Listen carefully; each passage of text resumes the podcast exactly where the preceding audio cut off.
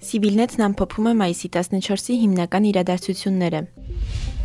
Վարդենիսի հատվածում ադրբեջանական ուժերը Հայաստանի պետական սահմանից առաջ են եկել մոտ 2 կիլոմետր։ Երկու հատվածում խնդիր կա՝ Վերին Շոժը եւ Կուտ բնակավայրերի շրջակայքում։ Այս մասին Ազատություն ռադիոկայանի հետ զրույցում ասել է Գեղարքունիքի մարզպետ Գնել Սանոսյանը։ Նրա խոսքով ամենամեծ տարածությունը, որ ադրբեջանցիները առաջ են եկել Կութի հատվածում է մոտ 2 կիլոմետր։ Մյուս հատվածներում շատ ավելի քիչ է առաջ խաղացումը 100, 200, 300 մետր։ Գնել Սանոսյանը նշել է նաև, որ ադրբեջանական ուժերն իրենց առաջխաղացումը հիմնավորել են կեղծ քարտեզներով։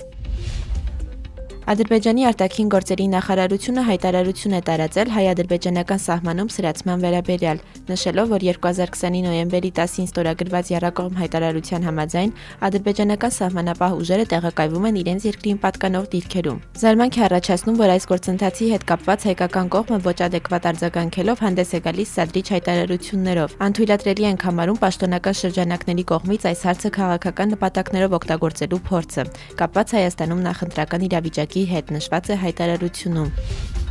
Բաքուն հայտնել է, որ հավատարիմ է տարածաշրջանում լարվածության վերացմանը։ Ադրբեջանի պետական սահմանապահ ծառայության ղեկավարությունն ուղարկվել է տարածաշրջան հայկական կողմի հետ բանակցություններ վարելու համար։ Ադրբեջանի արտգործնախարար Ջեյհուն Բայրամովը հայտարարել է, որ բանակցություններ են վարում Հայաստանի հետ սահմանին տիրող իրավիճակի շուրջ։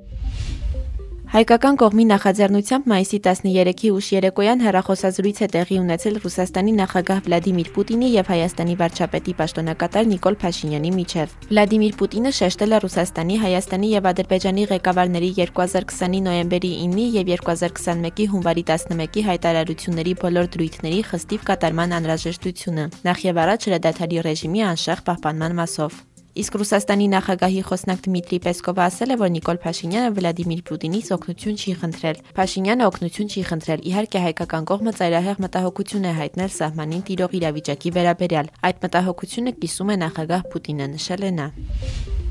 Ադրբեջանի կողմից Հայաստանի սահմանի նկատմամբ ոտնձգությունների հարցով վարչապետի պաշտոնակատար Նիկոլ Փաշինյանն այսօր պաշտոնապես դիմել է ՀԱԲ քաղաքական անվտանգության խորհրդի գործող նախագահ Տաջիկստանի Հանրապետության նախագահ Էմոմալի Ռահմոնին 1992 թվականի մայիսի 15-ի հավաքական անվտանգության մասին պայմանագրի երկրորդ հոդվածի շրջանակում ՀԱԲ անդամ պետությունների դիրքորոշումները համակարգելու եւ առաջացած սպառնալիքի վերացման համար միջոցներ ձեռնարկելու նպատակով արտակարգ խորհրդատվություններ անհապաղ սկսելու մեխանիզմը գործադրելու համար համար։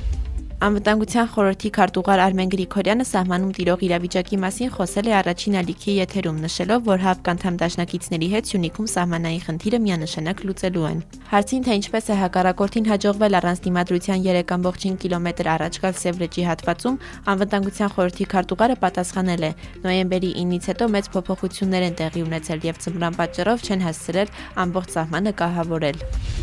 Սյունիքում ստեղծված իրավիճակին անդրադարձել է նաև փոխվարչապետի պաշտոնակատար Տիգրան Ավինյանը, նշել, որ Հայաստանը ցանկանում է խաղաղ ձևով հանգուցալուծել իրավիճակը եւ պատրաստ է հանգիստ ռեժիմով քննարկումների, բայց պետք է պատրաստ լինել հնարավոր վատ զարգացումների։ Նա նշել է, որ վատ սցենարի դեպքում Հայաստանը ակնկալում է դաշնակիցների աջակցությունը։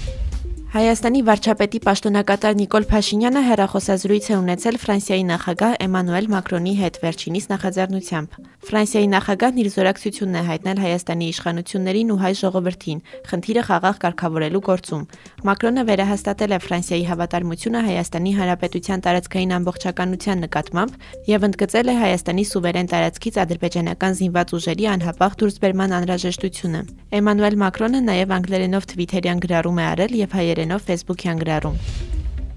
Հայաստանը ժամանել Ռուսաստանի զինված ուժերի հարավային ռազմական օկրուգի հրամանատար բանակի գեներալ Ալեքսանդր Դվորնիկովը, որը հանդիպում է ունեցել պաշտպանության նախարարի պաշտոնակատար Վաղաշակ Հարությունյանի հետ։ Դվորնիկովը Հարությունյանի հետ քննարկել է Սյունիքի մարզում ստեղծված իրադրությունն ու դրա հանգուցալուծման ուղիները։ Հայաստանի Հանրապետության զինված ուժերում մեկնարկած բարեփոխումները անդրադարձ է կատարվել նաև տարածաշրջանային անվտանգության հետ կապված հարցերի։ Այսօր պաշտպանության նախարարի պաշտոնակատար Վաղաշակ Հարությունյանը հայ-ադրբեջանական սահմանի միջադեպերի հարցը քննարկել է նաև իր ռուս գործընկեր Սերգեյ Շոյգուի հետ։